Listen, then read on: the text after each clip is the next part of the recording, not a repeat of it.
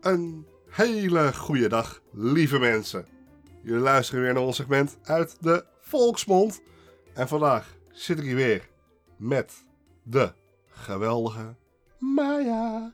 Jazeker, en bedankt voor die introductie. We gaan vandaag naar Spanje. Naar Spanje? Ja, en we Oh, hebben dus... vakantie. We gaan op vakantie Oh, naar lekker. Spanje. Hey, En wie gaan we ontmoeten? eh, Henk?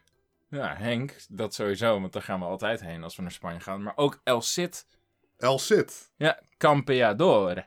En dat is, ik spreek het misschien een beetje Italiaans uit, dat was niet de bedoeling, maar dat is een sprookje uit Spanje. Oh, oh, we gaan een Spaans, Spaans sprookje doen. Ja, dat is eigenlijk, dacht je dat we op vakantie gingen, maar dat was een, eh, een grol.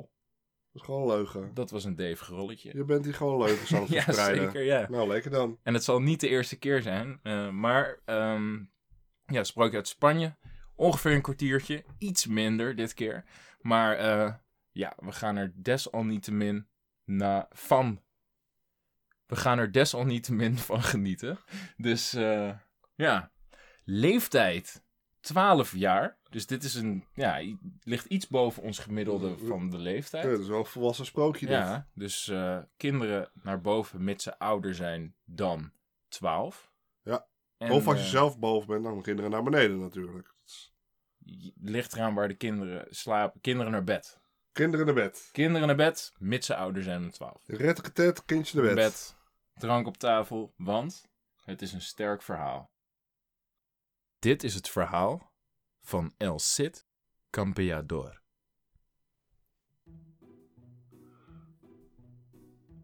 De jonge edelman, Rodrigo de Vivar, werd op het koninklijk hof opgevoed. Reeds als knaap onderscheidde hij zich door zijn vele deugden. Voorwaar, het was een gelukkig uur toen hij zich het zwaard aangordelde en tot ridder werd geslagen. Want heel Spanje kende geen dapperder man dan Rodrigo de Vivar. Koning Fernando die hield veel van hem en wilde hem steeds in zijn nabijheid hebben. De Moren die bezorgden de koning namelijk ongelooflijk veel last. En de jonge Rodrigo, daar waren ze wel bang voor. Maar wie zijn de Moren dan? Want dat vind ik eigenlijk wel interessant om te weten tussendoor.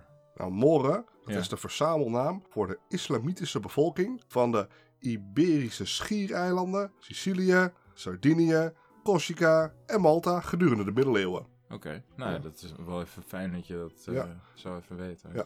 De Moren waren voornamelijk Noord-Afrikaanse. Berbers en. Arabieren. Genoeg over de Moren, let's go Ja? to the sprook. Let's go to the sprook.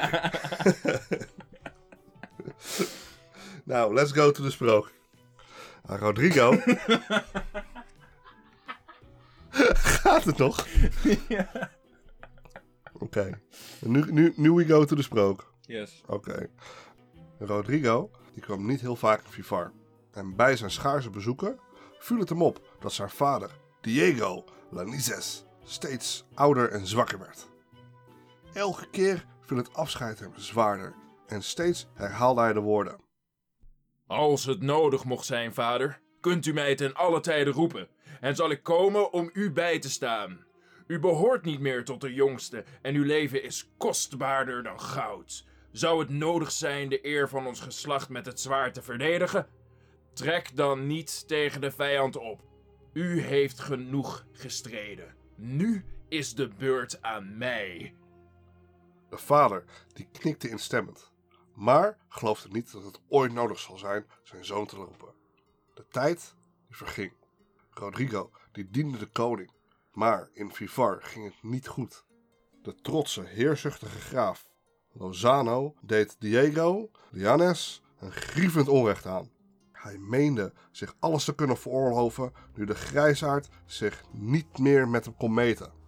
Zijn paard niet meer kon bestijgen noch zijn zwaard hanteren. Voor Rodrigo's vader betekende dit een niet te dragen smaad. Hij liep rond als een lichaam zonder ziel, durfde zijn ogen niet meer op te slaan, at, noch sliep en ging zelfs oude vrienden uit de weg om hen niet met zijn schande te bezoedelen. In zijn vertwijfeling zond hij om zijn zoon, Mijn zoon, sprak hij met zijn laatste krachten. alleen jij kunt mij wreken. Alleen jij kunt de smaad mij en ons hele geslacht aangedaan uitwissen. Toon je moed en geef ons huis zijn eer weer terug. Daarna vertelde hij zijn zoon over de belediging die graaf Lozano hem had toegevoegd. Zegende Rodrigo en reikte hem zijn zwaard. Rodrigo die kende de kracht en de moed van de graaf. Hij wist dat deze een machtige tegenstander was die veel aanhangers had. Maar hij kookte van woede en vreesde de strijd niet. Erger u niet, vader. antwoordde hij. Ik ben bloed van uw bloed en de gerechtigheid zelf stuurt mij in de strijd. Of ik vergeld het onrecht u aangedaan, of ik sterf als ridder voor onze eer. Daarop gordde hij zich het zwaard aan en begaf zich naar graaf Lozano. Nauwelijks had hij hem in het oog gekregen of hij riep hem in tegenwoordigheid van anderen toe. Graaf Lozano, u vindt zichzelf zeker wel erg moedig om een oude man te krenken. Was het u niet bekend dat de eer van ons geslacht geen beledigingen duldt? Weet dan dat ik gekomen ben om die smaad uit uw bloed te wissen. Ik kom voor uw hoofd, zoals mijn plicht mij gebiedt. Ah, verdwijn, jongeling, schreeuwde de graaf. Verdwijn, anders laat ik je met de zweep afranselen. Maar de uitdaging was uitgesproken en de graaf moest hem wel aannemen. De tegenstanders gingen de tweekamp aan, zoals het ridders is voorgeschreven. Graaf Lozano, die toonde zich trots en koen. Maar de slagen die Rodrigo hem toediende, die waren dodelijk. Oh, de graaf die viel. Oh, daar En ga de ik. jeugdige Oh, hoofd. die sloeg hem het hoofd af Oh, nee, mijn hoofd gaat eraf. om dit zijn vader te brengen. Een bewijs dat de smaad was uitgewist. En aangezien de tweekamp geheel naar de regels en de gebruiken was uitgevoerd, lieten de aanwijzige ridders Rodrigo vrij gaan. Daarna bleef Rodrigo nog enige tijd bij zijn vader, om deze in zijn ouderdom tot steun en troost te zijn. Zo'n soort van getting away with murder. Ja, Maar dan gewoon op een legale manier. In ja tijd. dus gewoon legaal iemand dood vermoorden. Dat is wel Vanwege gemeen. trots. Ja, Ja, want hij, hij klonk best wel als een aardige guy eigenlijk. Om zijn vaardigheid niet te verliezen, ging Rodrigo dagelijks op de vogeljacht. Alle ridders van het land die koesterden grote achting voor hem en alle edelvrouwen bewonderden zijn mannelijke schoonheid. Korte tijd later bezocht koning Fernando een nabijgelegen stad Burgos om een geschil tussen edellieden te beslechten. Daar knielde voor hem de jonge, bekoorlijke Ximena, dochter van graaf Lozano. Ze was geheel in het zwart gekleed en haar gelaat ging schuil achter een zwarte sluier. Op haar knieën liggend droeg ze de koning haar klacht voor. Heer de koning, mijn moeder en ik leven voortdurende schande. De ridder Rodrigo de Viva, die mijn vader heeft gedood, rijdt dagelijks uit op de valkenjacht.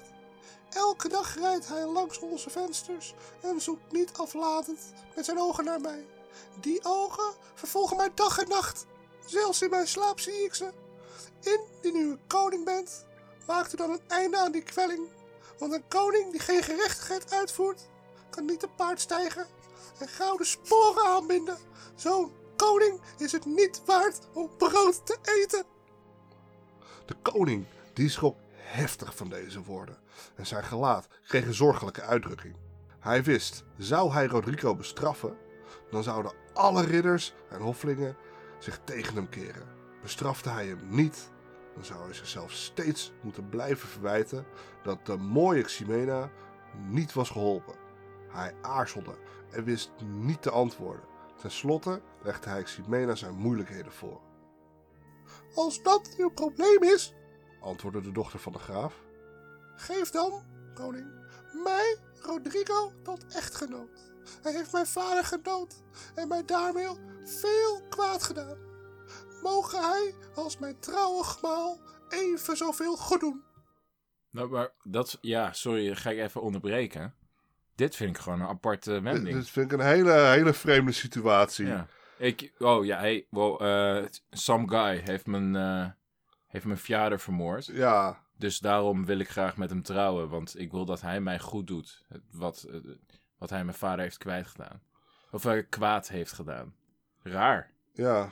Vond, hashtag raar. ik vond het wel, wel, wel een dingetje. Maar, ehm, maar nu verder. Ja, dit is, dit, is de, dit is de vreemdste manier van de meisje versieren. Maak de vader dood. Ja, dat is, ja, Ja, niet, niet de meest normale manier. nee. Maar koning Fernando die slaakte een zucht van verlichting en bewonderde de vrouwelijke schranderheid. Schranderheid. Schanderheid is een normaal woord. Oké. Ik, eh, ik kan je vertellen wat, wat het betekent. Maar het is gewoon een zeer normaal woord, wat iedereen weet. Dus we gaan gewoon verder. Is goed. Met graagte gaf hij zijn toestemming en zond een eibode naar Rodrigo met de opdracht dat deze zich terstond naar Burgos te begeven. Ja, sorry, nog een onderbreking, maar een, een eibodem. Wat? een eibode. Wat is dat? Dat is, dat is iemand die, eh, ja, dat weet je toch wel. Ja, oké. Ja, dat weet ik inderdaad wel. ja. Toen Rodrigo daar met zijn gehele schare aankwam, ging de koning hem tegemoet en sprak aldus tot hem. Hey, welkom Rodrigo di Vivar. Ik heb goed nieuws voor u. De Ximena vergeeft u de dood van haar vader en daar waar u het recht aan uw zijde had. Opdat zij u echter geheel vergeven, verzoek ik u aan om u als een vrouw te nemen. Als bewijs van mijn gunst zal ik u enkele rijke landgoeden schenken. Wee!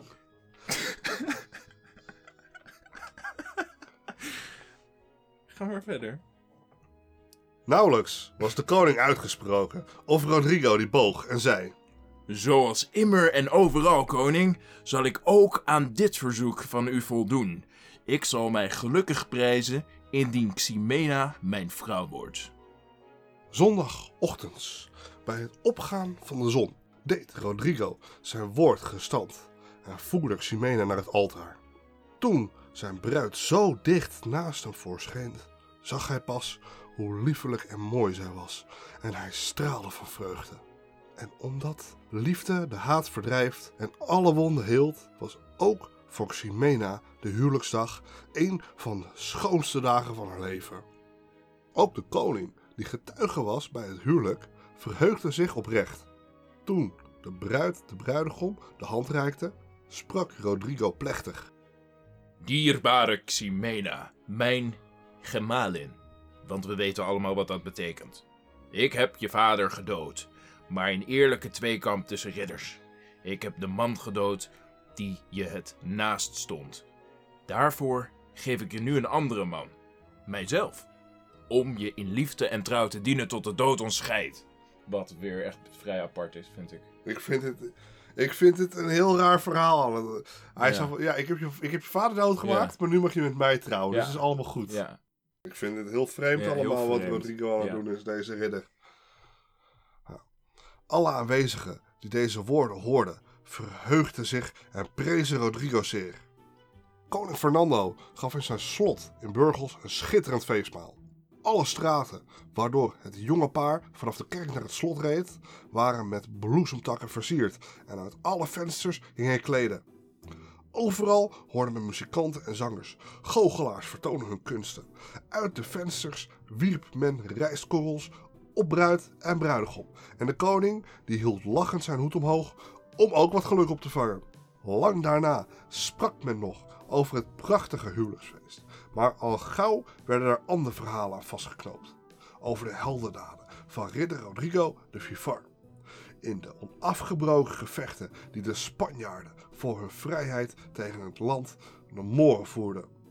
Zo werd Rodrigo een grote held. Vriend en vijand bewonderden hem. Zijn landslieden noemden hem Campeador, wat strijdig betekent. De Moren die gaven hem de naam Cid, wat wil zeggen heer. De eens onbekende ridder Rodrigo de Vivar werd de beroemde verdediger des vaderlands. El Cid Campeador. En zo zijn we aan het einde gekomen. Komen. gekomen aan het einde van het sprookje van Cid El Campeador. De prachtige verhaal. Het prachtige verhaal van, eh, Rodrigo de Vivar. die het land des vaderland met eer en moed verdedigde. Ja, Als ik dat zo mag eh, toelichten. En over toelichtingen gesproken, ja. Of toelichten gesproken, ga ik ook een ehm, toelichting aan het sprookje vastknopen. Zo, uit je hoofd. Uit mijn hoofd. Wow. Nou. spannend. Rodrigo, eh, Ro- Rodrigo de Vivar, sorry, ik versprak mij even. eh, die leefde van 1040 tot eh 1099. Hij was een Spaanse ridder, beter bekend onder zijn bijnaam, nou ja, El Cid de Campador dus. Wat heer kampioen betekent. Kortweg ook wel de Cid, hè? niet van Ice Age trouwens. Een kampioen was in de middeleeuwen iemand die eigenlijk persoonlijk een man tegen man gevecht van de beste ridders won. Cid is de Spaanse verbastering van Sayyid. En dat is dus Arabisch voor heer, wat ook in het eh, sprookje voortkwam, voorkwam. Ja. Beide titels getuigen van respect van zowel Moorse als christelijke kant. Dus zoals, zowel van nou ja, de eh, islamieten zoals de... En als... Dit gaat En wel geweldig. christenen. En de christels. Ja, de Ja, Christels. Christels. Dit gaat fantastisch. Ja, bij, beide titels getuigen van respect. Van zowel Moorse als christelijke kant. Ik denk, ik herhaal het nog maar even, gewoon om uh, krachtig te zetten. Oh, om Ja. even duidelijk te stellen waar het over gaat. Ja, dit hebben we wel nodig natuurlijk. Ik ben het niet aan het voorlezen trouwens ook hoor. Dat is echt... Het is echt uit je hoofd allemaal. Het is ongelooflijk dat jij dit allemaal uit je hoofd weet. En ik kan herhalen ook. El Cid is dan ook een, eh, of een belangrijke Spaanse nationale held. En de belichaming van ridderlijke, ridderlijkheid en deugd. En ja, sorry. eh, kijk, we moeten ook wel enig eh, respect hebben natuurlijk voor het, voor het verhaal en voor de, ja, Ja. Voor, voor, de, voor de geschiedenis, want dat is wel belangrijk. Dat is echt Eh, een Spaanse held dus wij, hè? wij bespotten het verhaal niet. We hebben gewoon humor tussendoor onderling. Ja. Dat is wel belangrijk om erbij te vermelden. Vermelden. Ja. Oké, nou dat is er ook weer uit. En dat ja. ja, ging soepel. Eh, eh, Ehm, Wist je trouwens ook dat eh, over El Cid doen ook een hoop verhalen te ronde? hoeveel verhalen? Ja, echt heel veel. Drie? Nee, echt, echt superveel. Maar het is dus ook eh, meer. 18.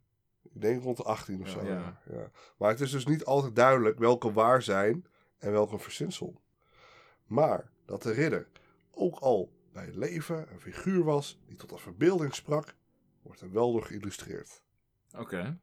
Dat is... eh, Dus het is heel Ja. intens hoe ik dit zo uit mijn Ja, hoofd ja, ja. Dat is wel, zo, praat, je normaal gesproken niet in dialoog eigenlijk. Nee, je- nee, nee. Maar Ja, maar goed, uit de verhalen blijkt dus ook nog dat, Dat El. Cid- Ja, wil jij het uit Nee, je nee. hoofd eh, zeggen? nee, ik, ik dacht we doen het samen. Oké, ja, maar hij was dus een meester van psychologische Psych- oorlogvoering en Het speler, van, bluffpoker. bluffpoker. Hey. nou, bedankt eh, dat jullie eh, geluisterd hebben naar deze hele serieuze aflevering vanuit de Volksmond. We gaan even een schaamteloze promotie doen voor onze Halloween week. Dat is een eh, horrorgeluidje. Dat is een Nee, spookgeluidje dat ja. maakte. Eng, hè? Ja, en, Maar... Geoefend. ja, dat ho- is te horen. Ehm, maar laten we ons niet afleiden van de Halloween week. Het, het is de laatste week van oktober. Ja. En daar horen jullie eh, iets serieuzere verhalen. eh, serieuzer spannende verhalen. Spannende verhalen inderdaad. Over Spannende dingen.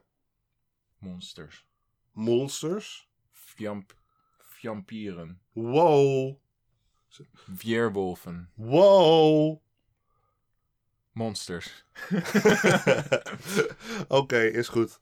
En Dan, spoken. en maar eh, dan... eh, daar, hou ik je aan. Ik wil, ik wil een verhaal over een vampier horen. En eentje over een weerwolf en één over een spook. Ja. Maar dat... eh, ja, en, en- over een ander eng ding. Oké. Maar ja, wij gaan er vandoor.